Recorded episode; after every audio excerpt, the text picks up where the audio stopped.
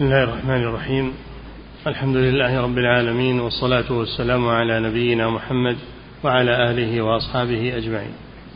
ثم بعد قال المؤلف رحمه الله تعالى ومنها أنه صلى الله عليه وسلم قال اللهم لا تجعل قبري وثنا يعبد اشتد غضب الله على قوم اتخذوا قبور أنبيائهم مساجد فذكره ذلك عقيب قوله اللهم لا تجعل قبري وثنا يعبد تنبيه منه على سبب لحوق اللعن بهم وهو توسلهم بذلك إلى أن تصير أوثانا تعبد. بسم الله الرحمن الرحيم الحمد لله رب العالمين صلى الله وسلم على نبينا محمد وعلى آله وأصحابه أجمعين. مما اصطاد به الشيطان هؤلاء الذين يتعلقون بالقبور أنه زين لهم أن هؤلاء الأموات ينفعونهم ويشفعون لهم عند الله. لذلك عكفوا على قبورهم وصرفوا لهم أنواعا من أنواع العبادة والتضرع. يريدون بذلك أن يشفعوا لهم عند الله. وهذا كقول المشركين الأولين. كقول المشركين الأولين يعبدون من دون الله ما لا يضرهم ولا ينفعهم ويقولون هؤلاء شفعاؤنا عند الله. الله سبحانه ما جعل بيننا وبينه وسائط. ولا أمرنا أن نتخذ له شفعاء بل أمرنا أن ندعوه بيننا وبينه بدون وسائط. قال تعالى وقال ربكم ادعوني أستجب لكم. وقال جل وعلا فادعوا الله مخلصين له الدين. ولم يقل ادعوا الله بواسطة فلان أو علان. وإذا سألك عبادي عني فإني قريب. الله قريب ما يحتاج إلى من يبلغه عن حوائج عباده. لكنهم قاسوا الله جل وعلا على ملوك الدنيا. الذين لا يطلعون على أحوال الرعية إلا بمن يخبرهم من من يخبرهم من الوسائط بينه وبينهم. أما الله فإنه يعلم أحوال عباده ولا يحتاج إلى من يبلغه عنهم.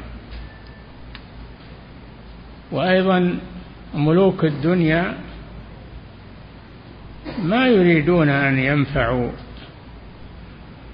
شعوبهم إلا بواسطة الشفعاء الذين يشفعون للشعوب عنده ويذكرونه بأحوال الرعية. الشفعاء يؤثرون على الملوك. أما الله جل وعلا فليس بحاجة إلى من يؤثر عليه وليس بحاجة إلى من يبلغه أحوال عباده وهو يريد الخير لعباده. وإنما إن جاء حائل بينهم وبين الله فهو من قبل أنفسهم. هم الذين أغلقوا الباب بينهم وبين الله. وإلا فالله ما أمرنا أن نتخذ إليه شفعاء ولا وسطاء. وأما قوله تعالى وابتغوا إليه الوسيلة اتقوا الله وابتغوا إليه الوسيلة. فالوسيلة هي العمل الصالح. ليست الوسيلة أن نتخذ واسطة بيننا وبينه. كما يفسرها هؤلاء. هذا تفسير باطل. الوسيلة هي الطاعة. سميت وسيلة لأنها تقرب إلى الله سبحانه وتعالى. فمن أطاع الله تقرب إليه. وفي الحديث القدسي إذا تقرب إلي إذا تقرب إلي ذراعا تقربت إليه باعا. وإذا أتاني يمشي أتيته هرولة.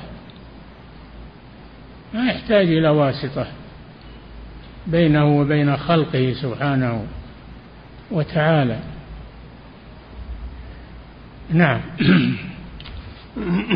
ومنها أنه صلى الله عليه وسلم قال اللهم لا تجعل قبري وثنا يعبد اشتد غضب الله على قوم اتخذوا قبور أنبيائهم مساجد.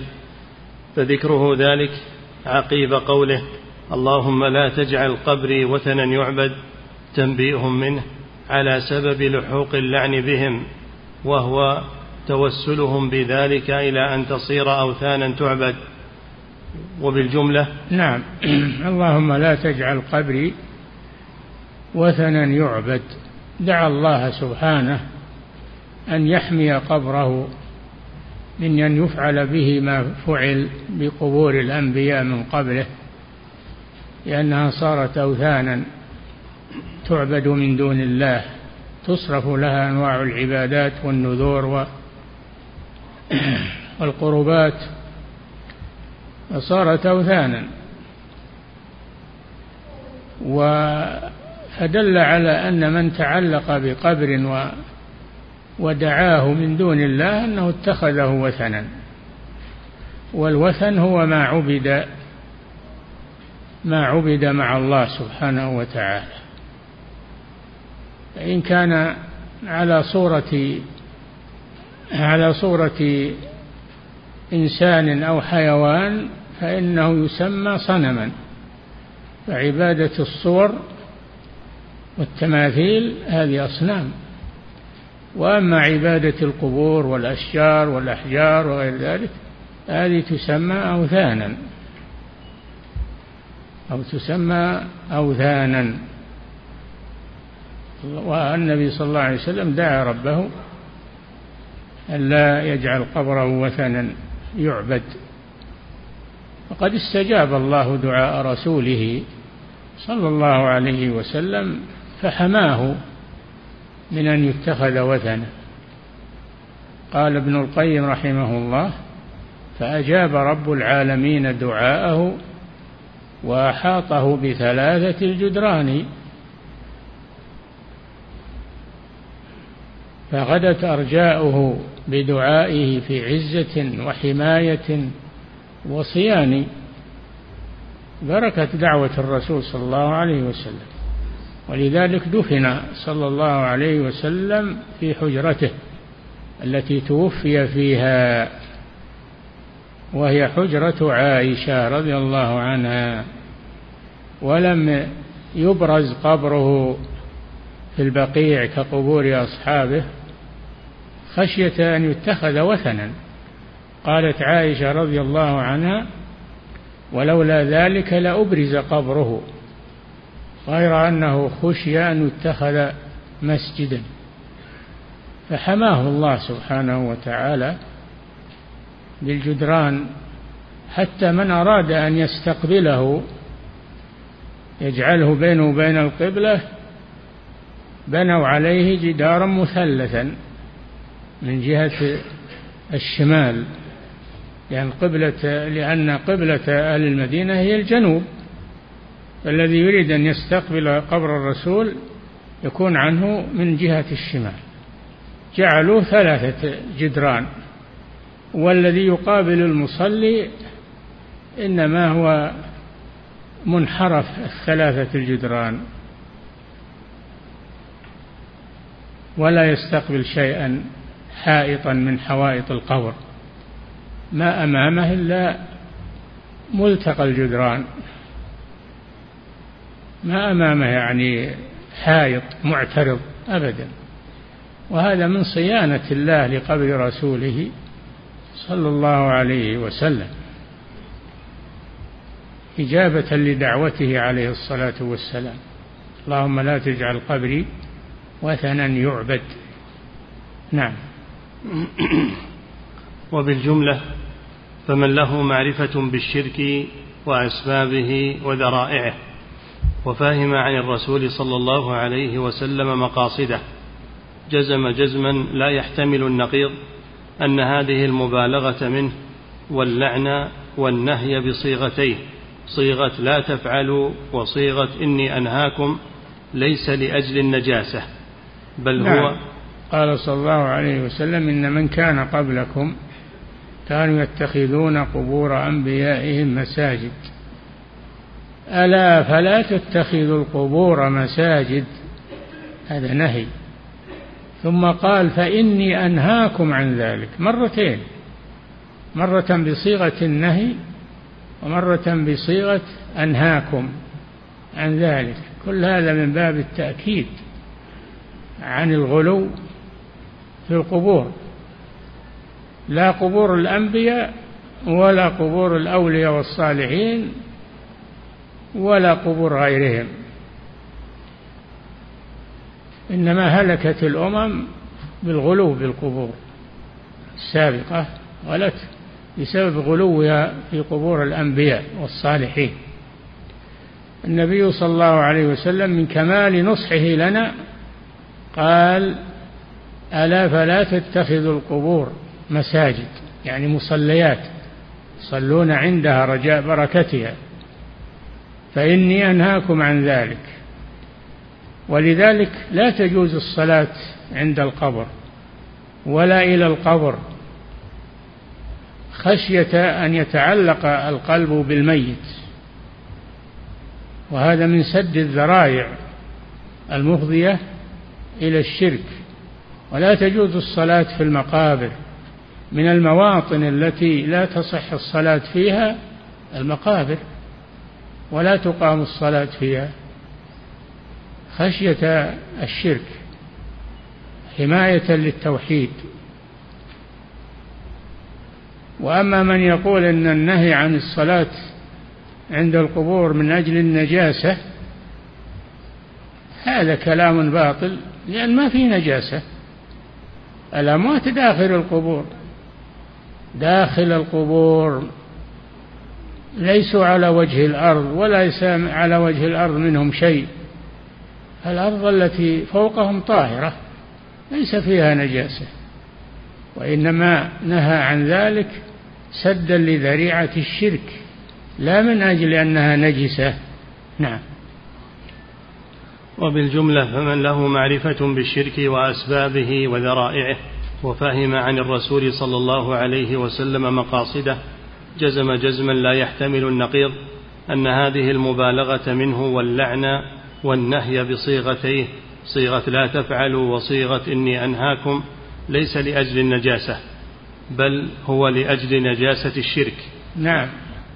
خوفا على أمته من الشرك لا من النجاسة. ما فيها نجاسة. المقابر ما فيها نجاسة طاهرة. نعم. بل هو لأجل نجاسة الشرك اللاحقة بمن عصاه.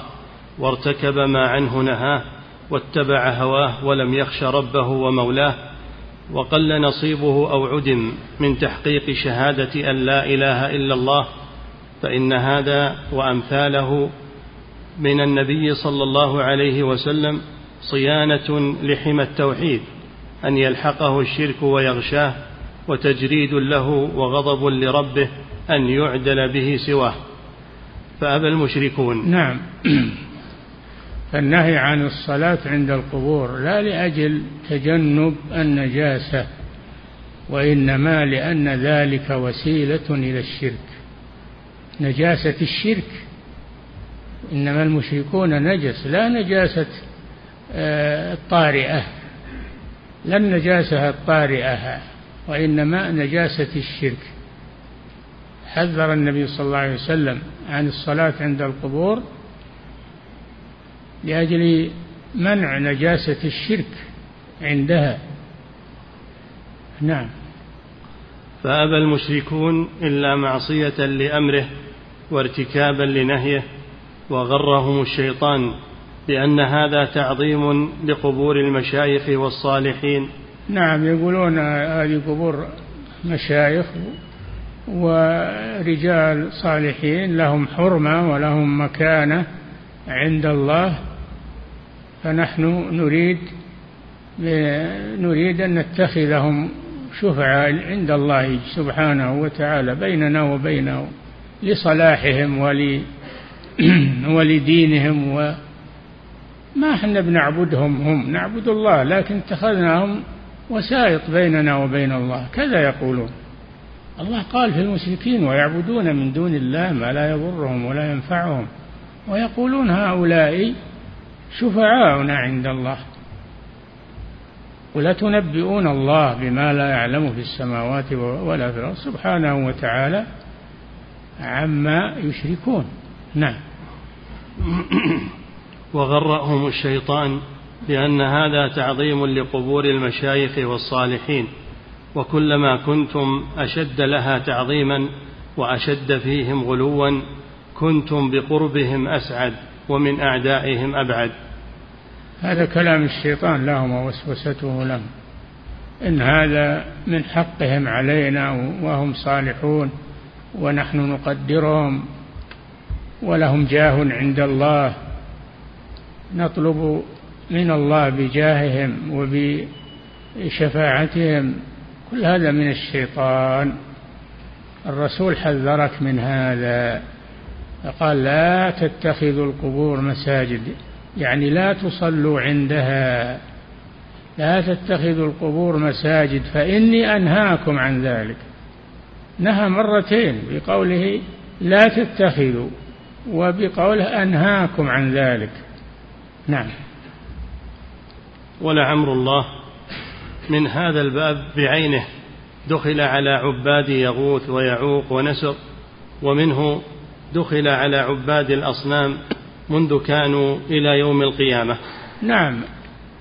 قوم نوح لما نهاهم نوح عليه الصلاة والسلام عن الغلو في الصالحين أبوا وقالوا لا تذرن آلهتكم. سموهم آلهة. ولا تذرن ودا ولا سواعا ولا يغوث ويعوق ونسرا. هذه أسماء رجال صالحين كانوا في قوم نوح فلما ماتوا فلما ماتوا عكفوا على قبورهم. يتوسطون بهم عند الله عز وجل. وحدث الشرك من هذا الوقت في الأرض. فجاءهم نوح عليه السلام ينهاهم عن هذا الشرك. عند ذلك قالوا لا لا تذرن آلهتكم.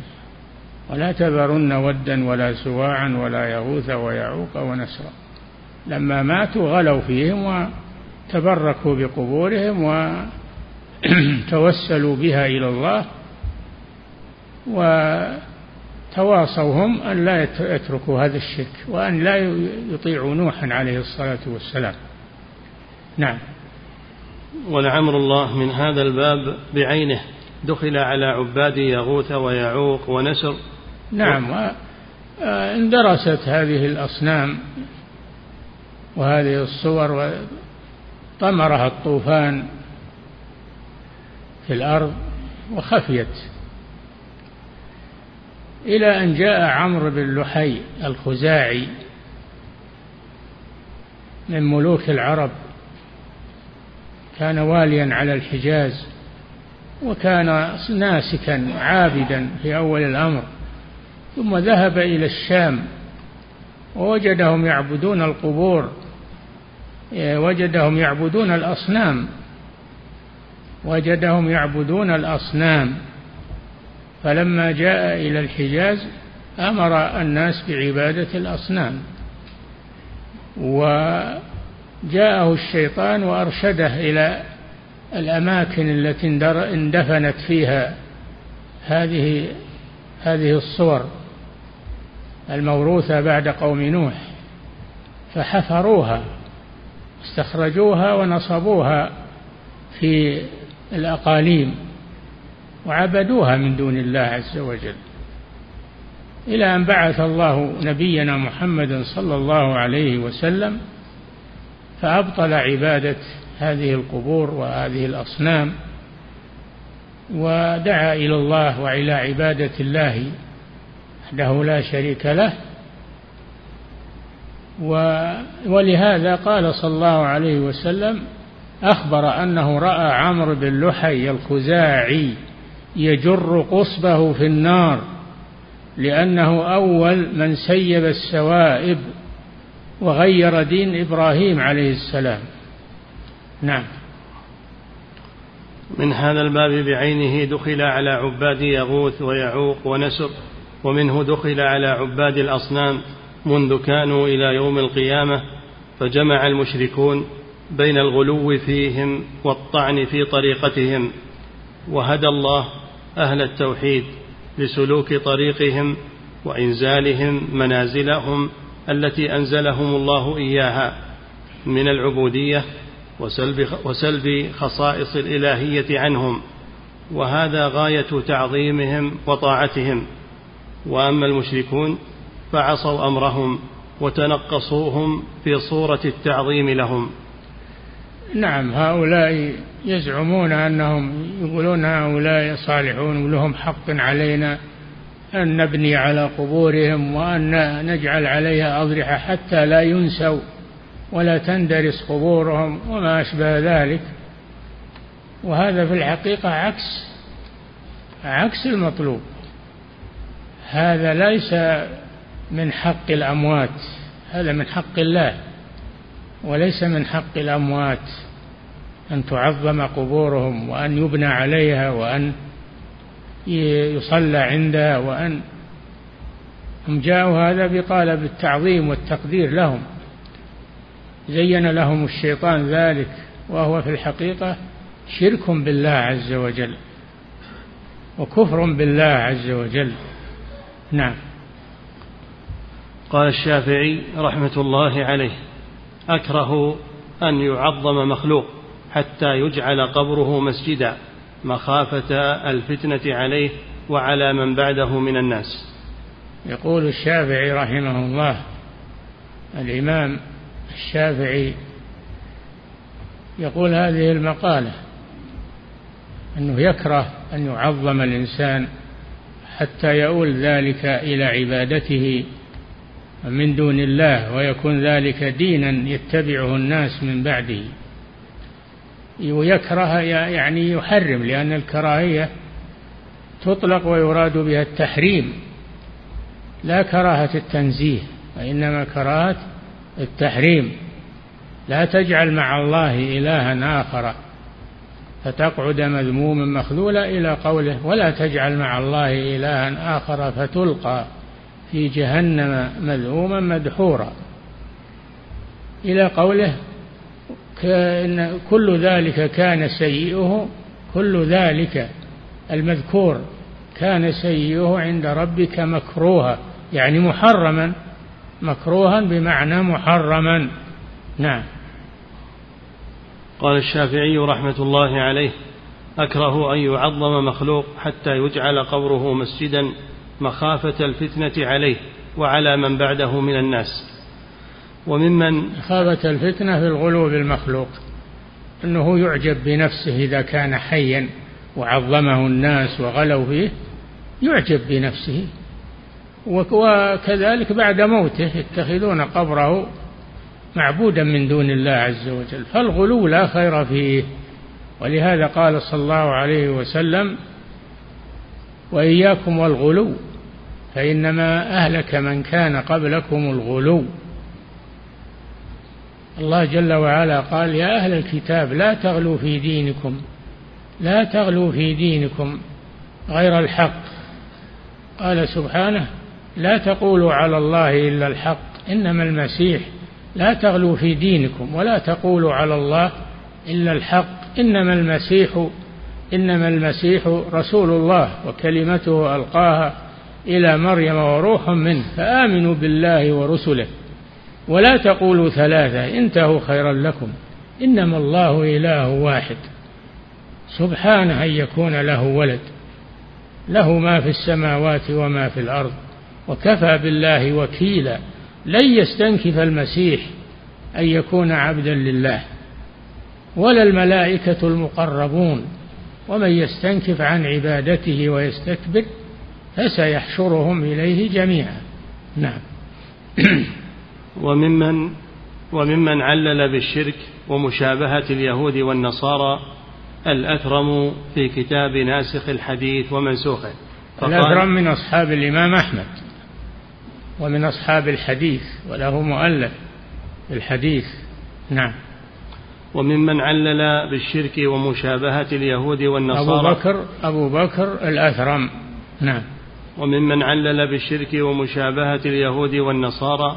الأثرم في كتاب ناسخ الحديث ومنسوخه فقال بعد أن ذكر حديث أبي سعيد أن النبي صلى الله عليه وسلم قال جعلت لي الأرض مسجدا إلا المقبرة والحمام وحديث زيد بن جبيرة عن داود بن الحصين عن نافع عن ابن عمر أن النبي صلى الله عليه وسلم نهى عن الصلاة في سبع مواطن وذكر منها المقبرة.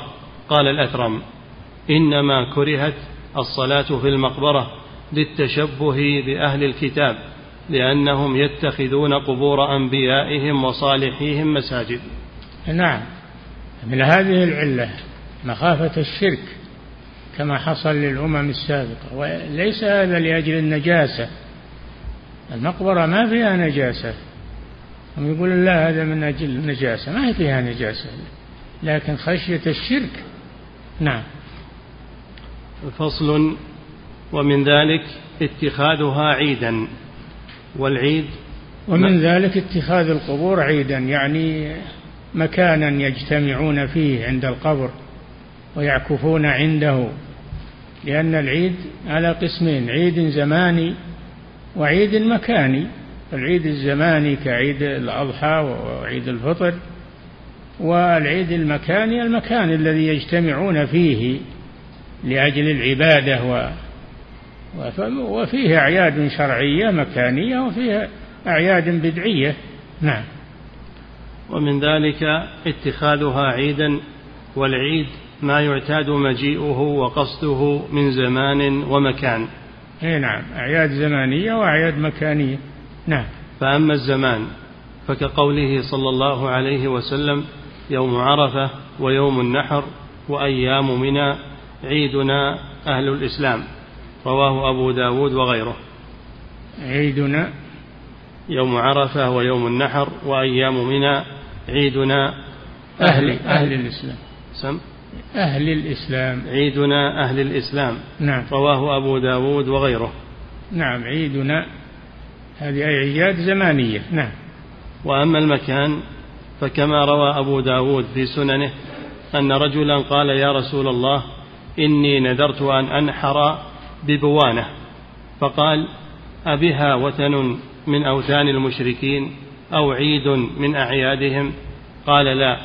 قال فأوف بنذرك. نعم. عيد مكاني. فيها وثن من أوثانهم؟ قال لا. يعني لماذا خصصت هذا المكان؟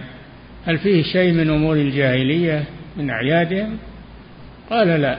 قال أوفي بنذرك. لزوال المحذور. نعم. وكقوله صلى الله عليه وسلم لا تجعلوا قبري عيدا. لا تجعلوا قبري عيدا تترددون عليه. كل ما دخل المسجد النبوي يذهب إلى القبر. لا يجوز هذا. إنما القادم من سفر القادم إلى المدينة من سفر أول ما يأتي لمسجد الرسول صلى الله عليه وسلم يصلي ركعتين تحية المسجد وثم يذهب إلى القبر ويسلم على الرسول وعلى صاحبه. وينصرف. أما الذي الساكن في المدينة والمقيم فيها فلا يتردد على القبر. كل ما دخل يروح يسلم على الرسول. ما يجوز هذا. هذا من اتخاذه عيدا أو يجتمعون عنده. نعم. وكقوله صلى الله عليه وسلم لا تجعلوا قبري عيدا والعيد مأخوذ من المعاودة والإعتياد. فإذا كان اسما للمكان فهو المكان الذي يقصد الاجتماع فيه وانتيابه للعبادة أو لغيرها كما أن المسجد الحرام كما أن المسجد الحرام ومنى ومزدلفة وعرفة والمشاعر جعلها الله عيدا للحنفاء ومثابة. يعني يجتمعون فيها في أيام المناسك يجتمعون في هذه المشاعر. فهي أعياد مكانية. نعم. كما أن المسجد الحرام ومنى ومزدلفة وعرفة والمشاعر جعلها الله عيدا للحنفاء ومثابة كما جعل أيام التعبد فيها عيدا. نعم. وكان للمشركين أعياد زمانية ومكانية فلما جاء الله بالإسلام أبطلها وعوض, وعوض الحنفاء منها عيد الفطر وعيد النحر وأيام منى. نعم. كما عوضهم عن أعياد المشركين المكانية بالكعبة البيت الحرام وعرفة ومنى والمشاعر. نعم. فاتخاذ القبور عيدا هو من أعياد المشركين التي كانوا عليها قبل الإسلام. وقد نهى عنه رسول الله صلى الله عليه وسلم في سيد القبور منبها به على غيره. وهو قبر الرسول صلى الله عليه وسلم. لا تجعلوا قبري عيدا. تجتمعون عنده تجلسون. نعم. وقد نهى عنه رسول الله صلى الله عليه وسلم في سيد القبور منبها به على غيره فقال أبو داود حدثنا أحمد بن صالح قال قرأت على عبد الله بن نافع أخبرني ابن أبي ذئب عن سعيد المقبري عن أبي هريرة رضي الله تعالى عنه قال قال رسول الله صلى الله عليه وسلم لا تجعلوا بيوتكم قبورا ولا تجعلوا قبري عيدا. لا تجعلوا بيوتكم قبورا يعني تخلونها من الصلاة تخلونها من الصلاة بل اجعلوا لها نصيبا من صلاتكم في الليل ولا تجعلوها قبورا لا تصلوا لا تصلون فيها ولا تذكرون الله فيها. نعم. لا تجعلوا بيوتكم قبورا ولا تجعلوا قبري عيدا وصلوا علي فإن صلاتكم تبلغني حيث كنتم صلى الله عليه وسلم. صلاة على الرسول مشروعة ولكن ما يحتاج أنك تروح للقبر وتصلي عنده وتسلم على الرسول وتصلي عليه وتسلم عليه. ما يحتاج هذا. صل على الرسول في أي مكان. وتبلغه صلاتك عليه. من المشرق أو من المغرب. تبلغك. يوكل الله بها ملائكة يبلغونها للرسول صلى الله عليه وسلم. قال فإن صلاتكم تبلغني حيث كنتم. المشرق أو في المغرب. ولما رأى الحسن بن علي رضي الله عنه رجلا أو, أو الحسن بن بن الحسن بن بن الحسين. الحسن بن علي بن الحسين. رأى رجلا ينتاب القبر النبوي. ناداه قال تعال أنت وش وش تبي يوم تتردد على القبر؟ قال أصلي وأسلم على الرسول صلى الله عليه وسلم. قال له الرسول يقول صلوا علي حيث كنتم فإن صلاتكم تبلغني. ما أنت ومن بالأندلس إلا سواء. يقول لهذا الرجل ما أنت حين تكون عند قبر الرسول ومن بالأندلس إلا سواء. نعم. وهذا إسناد حسن رواته كلهم ثقات مشاهير. وقال أبو يعلى الموصلي في مسنده حدثنا أبو بكر بن أبي شيبة حدثنا زيد بن الحباب حدثنا جعفر بن إبراهيم من ولد ذي الجناحين. قال حدثنا علي بن عمر ولد ذي الجناحين اللي هو جعفر بن أبي طالب رضي الله عنه. نعم. قال لأن الرسول صلى الله عليه وسلم أخبر أن له جناحين في الجنة يطير بهما. نعم. قال حدثنا علي بن عمر عن أبيه عن علي بن الحسين أنه رأى رجلا يجيء إلى فرجة كانت عند قبر النبي صلى الله عليه وسلم فيدخل فيها فيدعو فنهاه وقال ألا أحدثكم حديثا سمعته من أبي عن جدي عن رسول الله صلى الله عليه وسلم؟ قال لا تتخذوا قبري عيدا ولا بيوتكم قبورا فإن تسليمكم يبلغني أينما كنتم. نعم. رواه أبو عبد رواه أبو عبد الله محمد بن عبد الواحد المقدسي في مختاراته. وقال نعم. وقال سعيد بن منصور في السنن حدثنا حبان بن علي قال حدثني محمد بن عجلان عن أبي سعيد مولى المهري قال قال رسول الله صلى الله عليه وسلم لا تتخذوا قبري عيدا ولا بيوتكم قبورا وصلوا علي حيثما كنتم فإن صلاتكم تبلغني. وقال سعيد حدثنا عبد العزيز بن محمد قال أخبرنا سهيل بن أبي سهيل قال رآني الحسن ابن الحسن بن علي بن أبي طالب عند القبر فناداني وهو في بيت فاطمة يتعشى فقال هلم إلى العشاء. فقلت لا أريده. فقال ما لي رأيتك عند القبر؟ فقلت سلمت على النبي صلى الله عليه وسلم. فقال إذا دخلت المسجد فسلم. ثم قال إن رسول الله صلى الله عليه وسلم قال لا تتخذوا بيتي عيدا ولا تتخذوا بيوتكم مقابر. لعن الله اليهود اتخذوا قبور أنبيائهم مساجد وصلوا علي فإن صلاتكم تبلغني حيثما كنتم. ما أنتم ومن بالأندلس إلا سواء. نعم. فهذان المرسلان من هذين الوجهين المختلفين يدلان على ثبوت الحديث لا سيما وقد احتج من أرسله به وذلك يقتضي ثبوته عنده.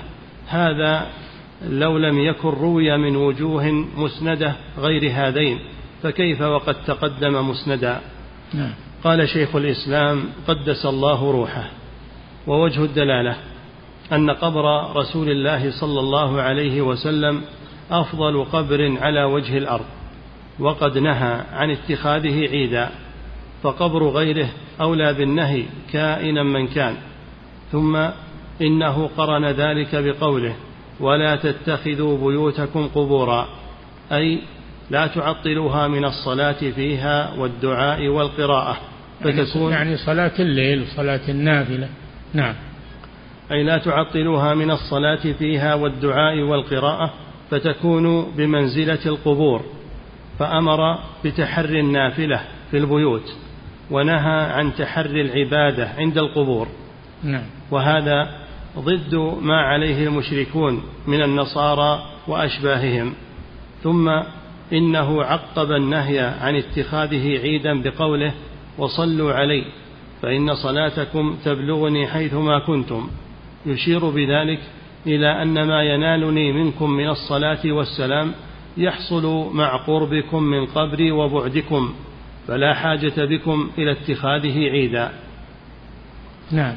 وقد حرف هذه الأحاديث.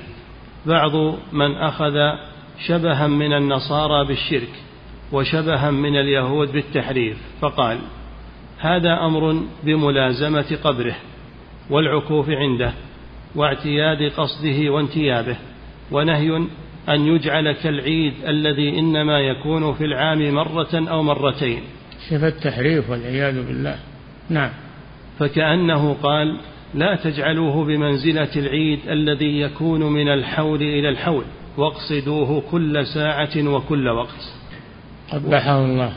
نعم. وهذا مراغمة ومحادة لله ومناقضة لما قصده الرسول صلى الله عليه وسلم وقلب للحقائق ونسبة الرسول صلى الله عليه وسلم إلى التدليس والتلبيس بعد التناقض فقاتل الله أهل الباطل أن يؤفكون. نعم. ولا ريب أن من أمر الناس باعتياد أمر وملازمته وكثرة انتيابه بقوله لا تجعلوا عيدا فهو إلى التلبيس وضد البيان أقرب منه إلى الدلالة والبيان. فإذا لم يكن هذا تنقيصا فليس للتنقيص حقيقة فينا. كمن يرمي أنصار الرسول صلى الله عليه وسلم وحزبه بدائه ومصابه وينسل كأنه بريء. نعم. ولا ريب أن ارتكاب كل كبيرة بعد الشرك أسهل إثما وأخف عقوبة من تعاطي مثل ذلك في دينه وسنته. وهكذا غيرت ديانات الرسل عليهم الصلاة والسلام. ولولا أن الله أقام لدينه الأنصار والأعوان الذابين عنه لجرى عليه ما جرى على الأديان قبله. نعم هذا الدين محفوظ ولله الحمد بحفظ الله له كما قال جل وعلا إنا نحن نزلنا الذكر وإنا له لحافظون. فلم يجري عليه ما جرى على ما سبق من التحريف والتبديل والتغيير. نعم.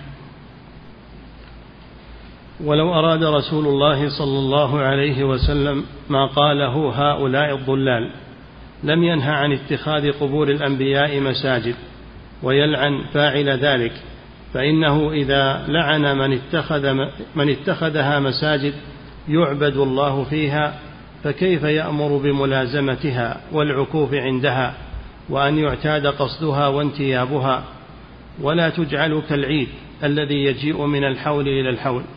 وكيف يسأل ربه سبحانه ألا يجعل قبره وثنا يعبد؟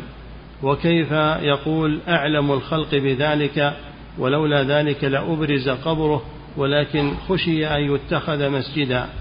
وكيف يقول لا تجعلوا قبري عيدا وصلوا علي حيثما كنتم وكيف لم يفهم أصحابه وأهل بيته من ذلك ما فهمه هؤلاء الضلال الذين جمعوا بين الشرك والتحريف نعم.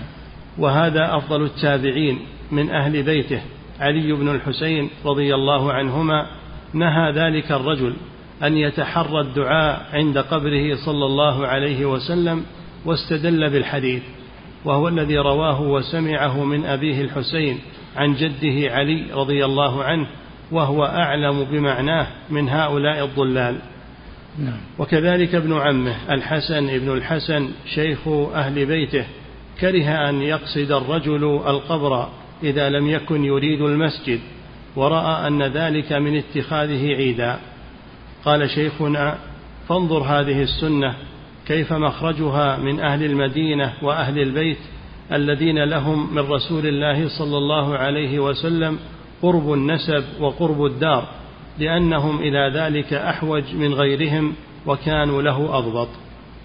نعم هذا هذا النهي وهذا التحذير جاء من قبل أهل بيت الرسول صلى الله عليه وسلم. ذرية الحسن والحسين من ذرية الرسول صلى الله عليه وسلم. حذروا من هذا. نعم. فصل ثم إن في اتخاذ القبور أعيادا من المفاسد العظيمة. يكفي. نقف عند هذا نعم.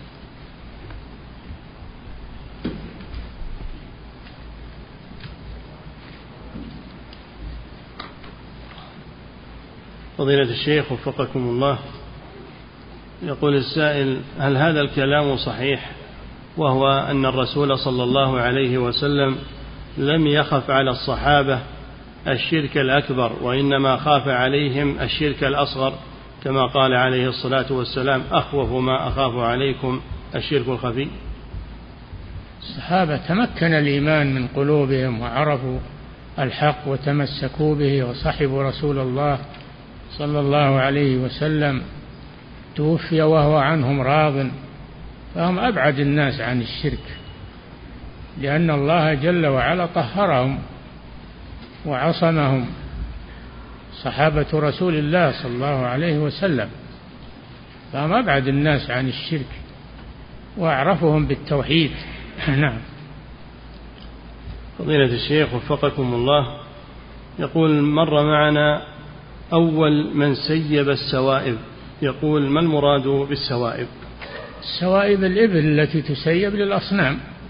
ما جعل الله من بحيرة ولا سائبة ولا وصيلة. هذه الأصنام يسيبونها من من الإبل التي يملكونها.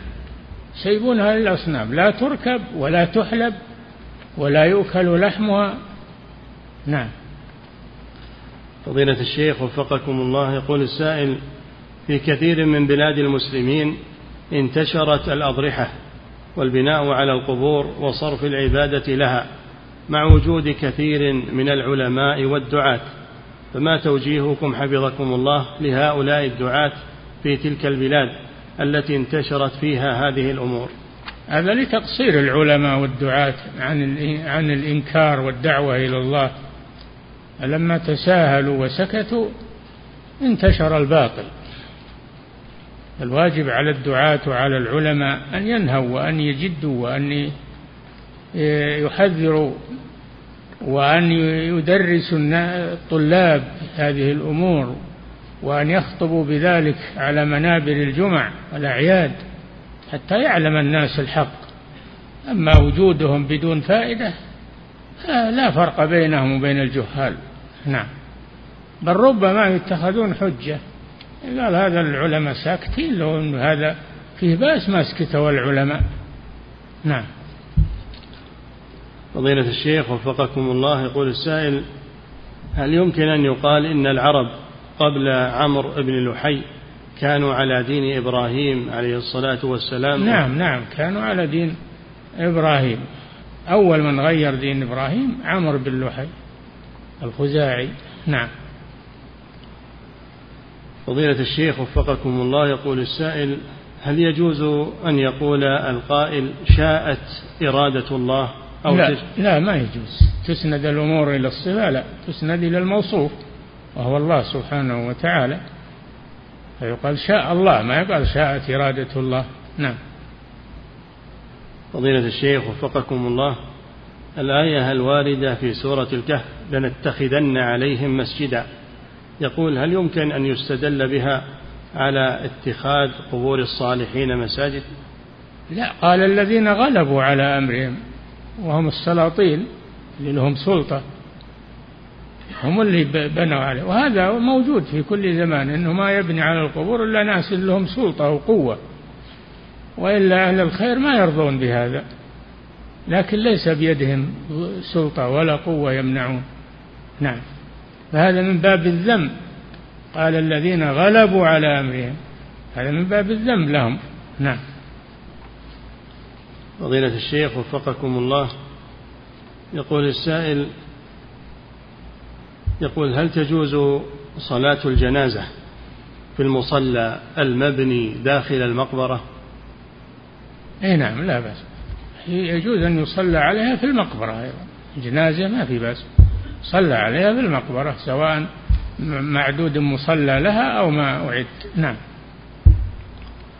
فضيلة الشيخ وفقكم الله. يقول هناك من يقول بأن تكفير المشركين بأنه عبادة وأن هذا عقيدة فهل هذا القول صحيح؟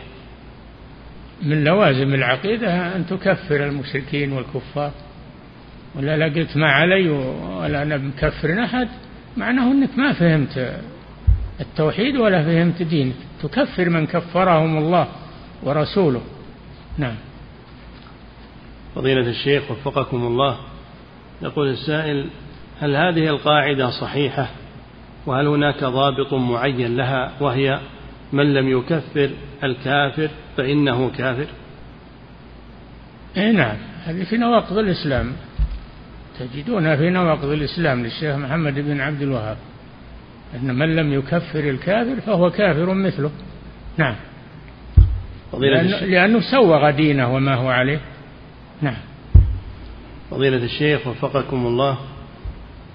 يقول السائل ما نصيحتكم وفقكم الله وتوجيهكم لمن أراد أن يعلم أبناءه التوحيد؟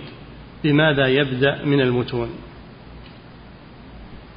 يبدأ ثلاثة الوصول ثم في كشف الشبهات ثم كتاب التوحيد. نعم تدرج بهم شيء فشيء. نعم. فضيلة الشيخ وفقكم الله يقول كيف الجمع بين قول رسول الله صلى الله عليه وسلم إن الشيطان أيس أن يعبده المصلون في جزيرة العرب وبين قوله صلى الله عليه وسلم لا تقوم الساعة حتى تصطك أليات نساء دوس على ذي الخلص؟ الرسول ما قال لا تعبد الأصنام قال أيس إن الشيطان قد أيس هو أيس عليه لعنة الله. وليس معنى ذلك أنه ما يوجد الكفر والشرك لكن هو لما رأى قوة الدين وقوة المسلمين أيس. هذا في نفسه هو. نعم. فضيلة الشيخ وفقكم الله. يقول السائل يقول أنا أريد أن أطلب, أن أطلب العلم وعلي ديون وأبي يريد أن أعمل وأشتغل. فبماذا تنصحونني؟ هل أترك طلب العلم؟ اجمع بين المصلحتين. اشتغل وحصل آه، ما تحتاج إليه أنت وأبوك من النفقة واطلب العلم في فترة أخرى. اطلب العلم في فترة أخرى. ولو شهر ولو شهرين من السنة فيها بركة. نعم. فضيلة الشيخ وفقكم الله يقول السائل يقول تعود أهلنا في الريف بيع ابن البهيمة وهو صغير بعد أربعين يوما من ولادته فهل هذا يدخل في التفريق بين الحيوان وأمه؟ نعم. ما يجوز هذا إلى أن إلى أن تفطمه أمه. نعم. فضيلة الشيخ وفقكم الله يقول هل ذهاب الإنسان إلى قبر قريبه كل جمعة من اتخاذ القبور عيدا؟ لا. لكن ما يخصص يوم الجمعة. يزور قبر قريبه في يوم من الأسبوع ولا يخصص يوم الجمعة. نعم. فضيلة الشيخ وفقكم الله يقول السائل ما معنى دعاء ابن القيم رحمه الله لشيخه بقدس الله روحه يعني طهرها. التقديس هو التطهير يعني طهرها. نعم. فضيلة الشيخ وفقكم الله يقول السائل في قوله صلى الله عليه وسلم من راح في الساعة الأولى في يوم الجمعة فكأنما قرب بدنه.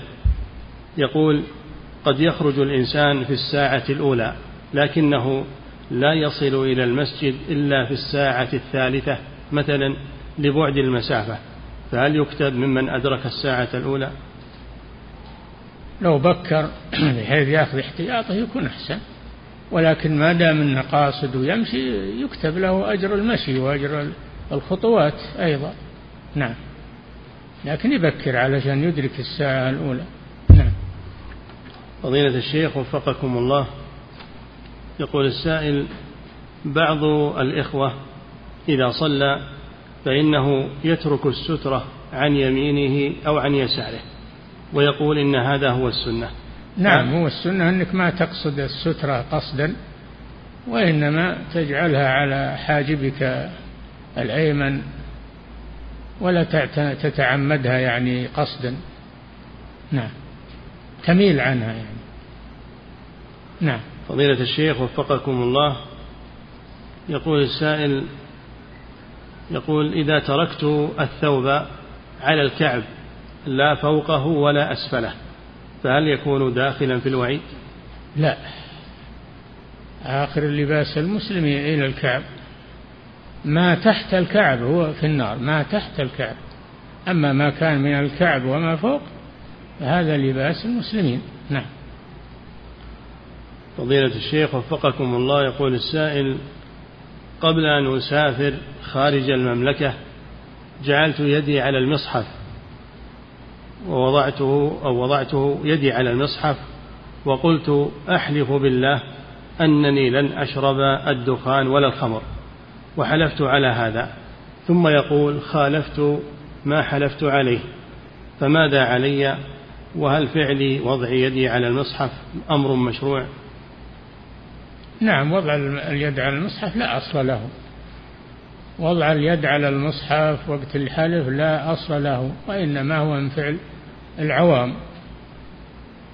وأما أنك خالفت اليمين فعليك كفارة يمين مع التوبة إلى الله.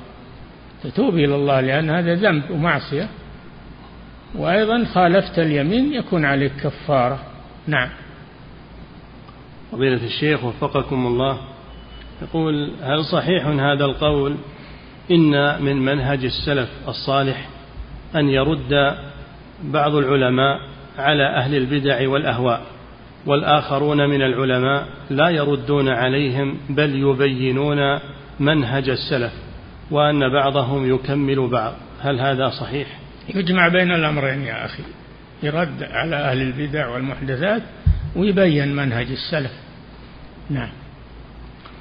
فضيلة الشيخ وفقكم الله يقول هل كل مسجد لا تصلى فيه الجمعة يقال عنه مصلى؟ لا. المسجد يسمى مسجد ولو كان ما يصلى فيه إلا الأوقات. ولا يصلى فيه. ما كل المساجد فيها جمعة. مع هذا تسمى مساجد. نعم.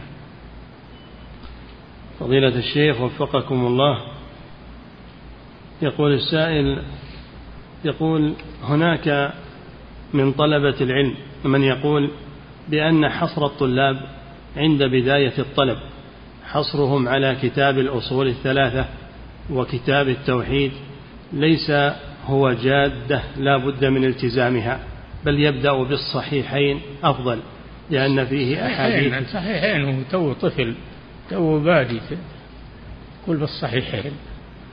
ما خلوا مع المختصرات شيء فشيء حتى يصل إلى الصحيحين. نعم. فضيلة الشيخ وفقكم الله يقول السائل تعودت في الصلاة أن أقرأ الاستعاذة بهذه الصيغة. أعوذ بال... يقول تعودت في الصلاة أن أقرأ الاستعاذة بهذه الصيغة. أعوذ بالله السميع العليم من شر الشيطان وشركه ونفخه ونفثه. يقول هل هذا جائز؟ لا بأس به لا بأس به. نعم.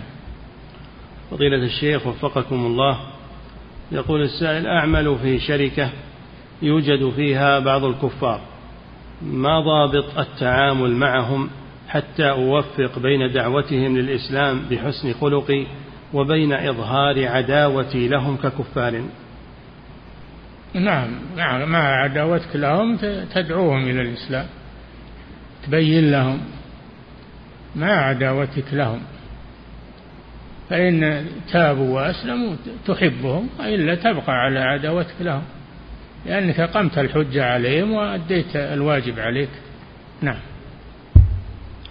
فضيلة الشيخ وفقكم الله يقول السائل من صلى على الجنازة بعد دفنها فهل له قيراط كمن صلى عليها قبل الدفن؟ إذا فاتته الصلاة عليها قبل الدفن وصلى عليها بعد الدفن له الأجر إن شاء الله له القيراط. الرسول صلى الله عليه وسلم صلى على القبر لما فاتته الصلاة عليه قبل الدفن. نعم. فضيلة الشيخ وفقكم الله يقول السائل هل يجوز لي أن أقوم بأداء العمرة وعلي دين؟ إذا كان عندك مال يوفي الدين ويبلغك للحج والعمرة نعم حج واعتمر. أما إذا كان المال يا الله يكفي للدين تبدأ بالدين. نعم. فضيلة الشيخ وفقكم الله هذه امرأة تسأل فتقول إنها متزوجة برجل وقد تم العقد. تقول لم نسكن بعد مع بعضنا البعض حتى تكتمل الإجراءات الرسمية. في بعض الأحيان يدعوني هذا الزوج لأن أقابله وقد قابلته ثم امتنعت. سؤالها هل أنا آثمة إذا أراد زوجي مقابلتي ورفضت؟ والله هذه تراجع فيها المحكمة أو دار الإفتاء. نعم. فضيلة الشيخ وفقكم الله يقول السائل ما حكم الحلف بالقرآن؟ القرآن كلام الله صفة من صفاته. ويجوز يشرع الحلف بالله أو بصفة من صفاته. نعم. فضيلة الشيخ وفقكم الله وكذلك يسأل عن الحكم عن عن حكم الحلف بآيات الله. هل يسأل ما مراده بآيات الله؟ أكيد أنه يقصد بآيات الله القرآن أو يقصد بآيات الله الإبل والجبال و... نعم. فضيلة الشيخ وفقكم الله يقول السائل هل يجوز شراء بيت عن طريق البنك علما أنني محتاج لذلك؟ إن كان البنك يسلم عنك ثمن البيت ويسترد منك آه، الثمن بزيادة هذا ربا ولا يجوز. هذا ربا ولا يجوز. نعم. ولا ولا هم سلم عنك إلا إلا بزيادة. البنك ما هم سلم عنك إلا بزيادة. يكون هذا ربا. نعم. فضيلة الشيخ وفقكم الله هذه امرأة تسأل تقول هل يجوز لها أن تذهب إلى الطبيب وأن تدخل في غرفته مع وجود الممرضة معه علما أن هناك طبيبة لكنها أقل خبرة؟ لكنها أقل خبرة. ما دام ما في خلوة. ومعه ممرضة فلا فلا بأس بذلك. نعم. فضيلة الشيخ وفقكم الله يقول السائل نويت السفر قبل صلاة المغرب وقد دخل علي وقت المغرب قبل أن أسافر ثم سافرت. هل يجوز لي أن أؤخرها وأجمعها مع العشاء جمع تأخير لا لا. صل المغرب في وقتها. صل قبل أن تسافر ثم سافر. وإذا جاء وقت العشاء صل العشاء في وقتها. نعم. فضيلة الشيخ وفقكم الله يقول السائل بعض الرجال يقومون بإهداء زوجاتهم هدايا سنوية في يوم الزواج فهل يعتبر هذا من الأعياد المنهي عنها؟ تكراره يعني بالأربعين بكذا؟ نعم هذا لا يجوز. أما أنك تهدي لها بغير تقيد بوقت وتحديد وقت تهدي لها ما يخالف. نعم. فضيلة الشيخ وفقكم الله. يقول ورد عن رسول الله صلى الله عليه وسلم أن هذه الأمة تفترق على ثلاث وسبعين فرقة. يقول هذه الفرق هل يقال بأنها مسلمة أو مبتدعة أو كافرة؟ يقول كلها في النار إلا واحدة. على ثلاث وسبعين فرقة كلها في النار إلا واحدة. في النار بعضهم لكفره وبعضهم لضلاله وبعضهم لبدعته يختلفون. نعم. فضيلة الشيخ وفقكم الله. يقول السائل ما حكم شراء السيارة عن طريق ما يسمى الإيجار المنتهي بالتمليك؟ لا يجوز لو صادر فيه قرار من هيئة كبار العلماء بتحريمه. نعم. فضيلة الشيخ وفقكم الله يقول السائل من أركان الصلاة الصلاة على رسول الله صلى الله عليه وسلم فهل يجوز أن يقتصر على هذه الكلمة اللهم صل على محمد وتكون كافية؟ هذا أقل شيء هذا أقل شيء لكن اتبع الوارد. قالوا يا رسول الله قد علمنا كيف نسلم عليك؟ فكيف نصلي عليك؟ قال قولوا. اللهم صل على محمد وعلى آل محمد إلى آخره. علمهم صلى الله عليه وسلم ذلك. فتأتي بالصلاة الإبراهيمية التي علمها الرسول صلى الله عليه وسلم لأصحابه. نعم.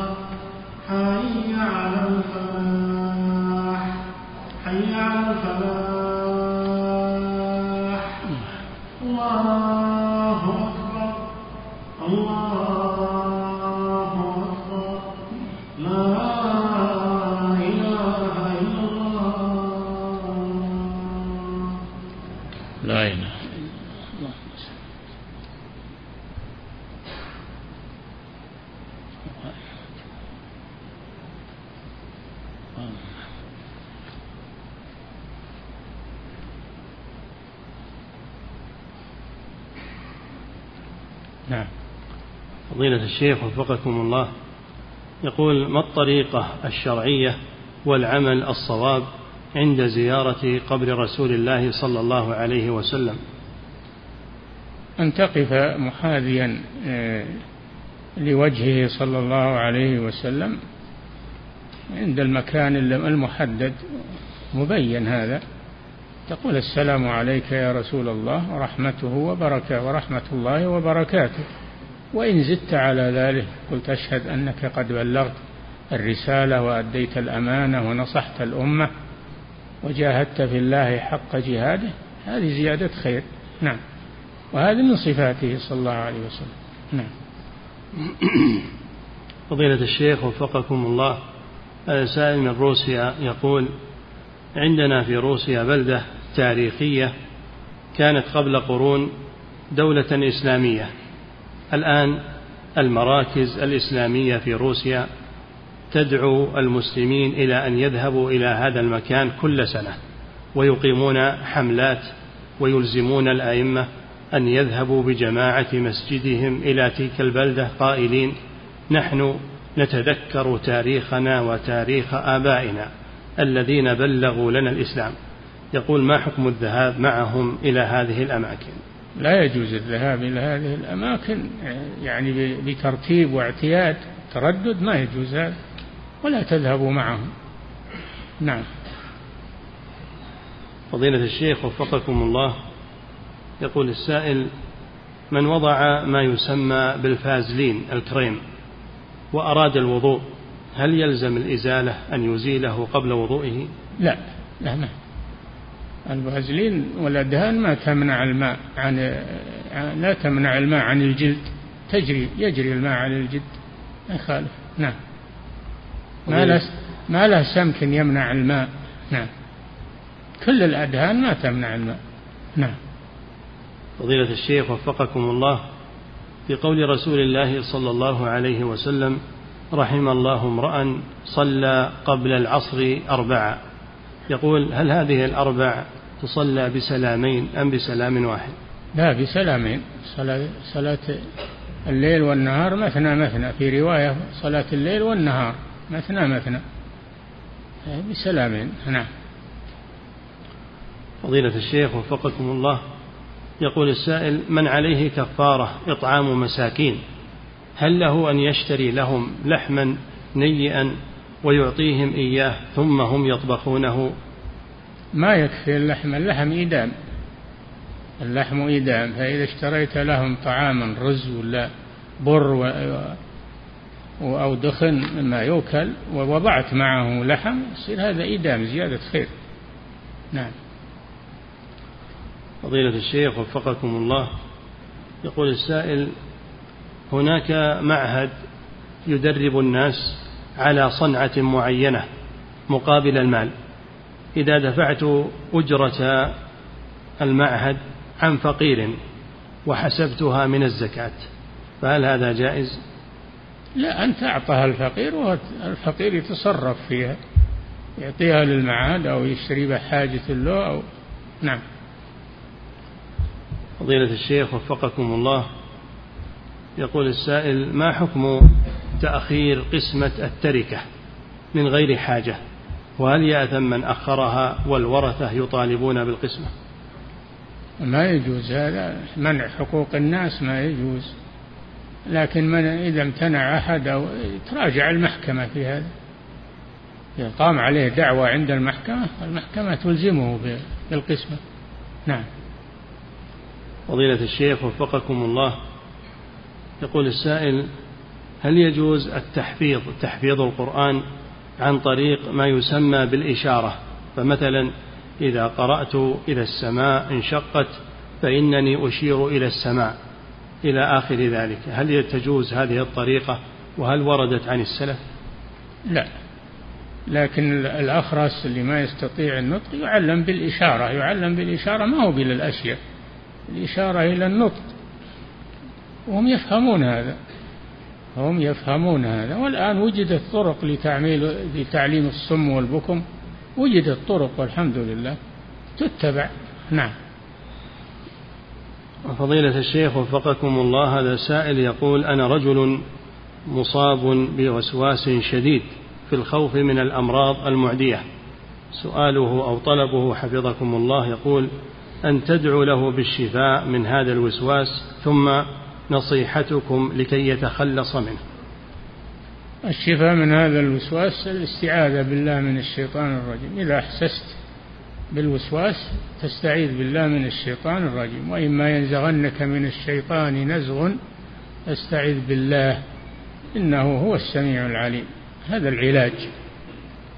وتترك الوسواس ويذهب عنك بإذن الله.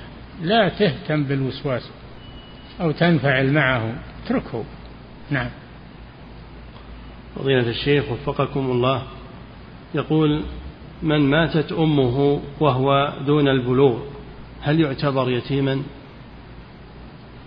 هذا البهيمة اللي تعتبر يتيمة إذا ماتت أمها أما الإنسان إذا مات أبوه إذا مات أبوه يصير وهو صغير يصير يتيم.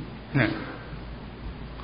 فضيلة الشيخ وفقكم الله يقول هل صحيح أن القيام وقت الأذان منهي عنه لكي لا يتشبه بالشيطان؟ والله ما أعرف شيء من هذا لكن السكينة ومتابعة المؤذن ما في شك أنها أحسن. نعم. فضيلة الشيخ وفقكم الله الترضي عن غير الصحابة واتخاذ ذلك شعارا هل هو جائز؟ لا شعار لا أما اتخاذ بعض الأحيان ما لا بأس. نعم. فضيلة الشيخ وفقكم الله رجل سبق له الحج ثم رجل سبق له الحج نعم. ثم إنه ترك الصلاة متعمدا لمدة شهرين ثم تاب وعاد إلى الصلاة. سؤاله هل يحج مرة أخرى وتكون حجته الأولى فاسدة؟ والله الشيخ ابن باز يفتي بأنه تعود له حجته إذا تاب إذا تاب إلى الله تعود له أعماله وحجه. يفتي بهذا رحمه الله. نعم. فضيلة الشيخ وفقكم الله.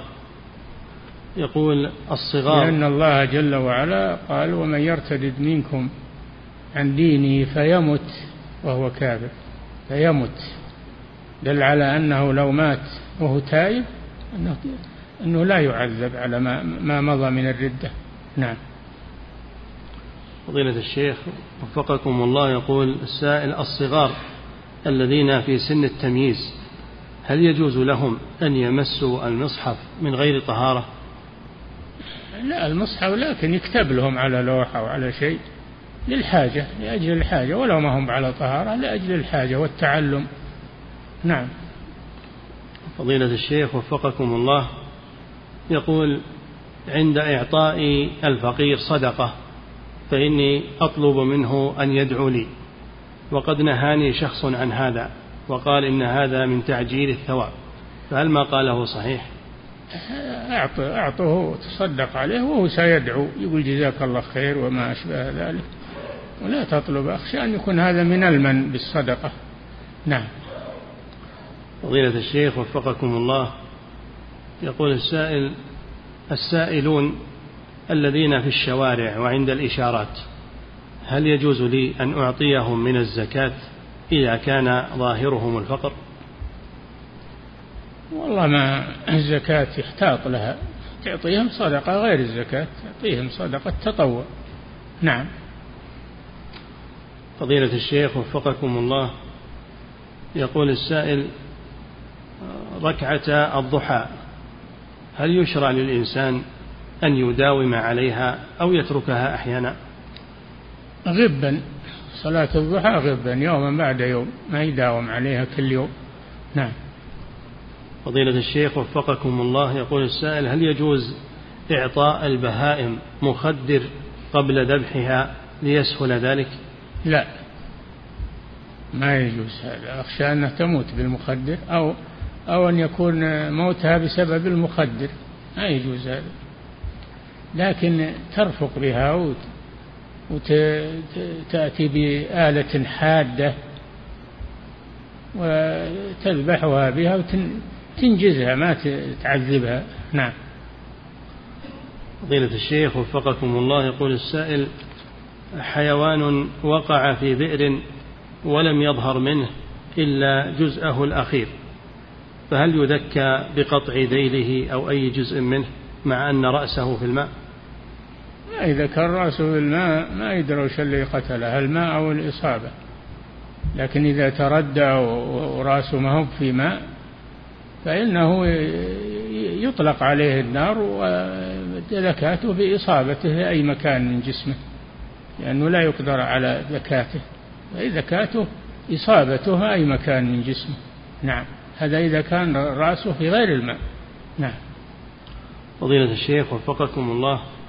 يقول إذا ذهب الشخص لزيارة المدينة النبوية فهل نقول بأن المشروع له أن يبادر مباشرة إلى الذهاب إلى المسجد والسلام على رسول الله صلى الله عليه وسلم ثم صلاة ركعتين أو ينتظر إلى وجود فريضة؟ يصلي تحية المسجد أولا. أو إن كان فريضة يصلي الفريضة مع الناس.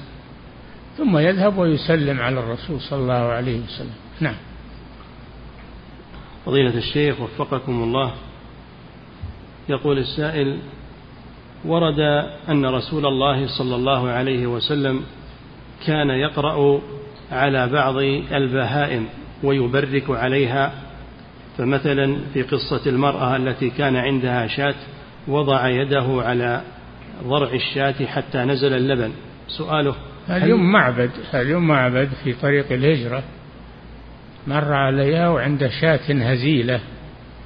ما فيها لبن ولا فيها شيء فمسح عليها ودرت اللبن وسقتهم وملأت الأواني التي عندها. هذه قصة معبد. نعم. سؤاله حفظك الله ووفقك يقول هل يؤخذ من هذا أنه يجوز أن أقرأ على البهائم المريضة عندي وكذلك المركوبات كالسيارة مثلا إذا كان فيها شيء. هو ورد أن الرسول قرأ على الشاة؟ ما ما سمعت شيء. نعم. فضيلة الشيخ وفقكم الله. تقول هذه امرأة تسأل فتقول عندما كنت امرأة حامل وكنت مريضة تقول طلب مني زوجي أن أنزل الولد وأن أجهضه ها؟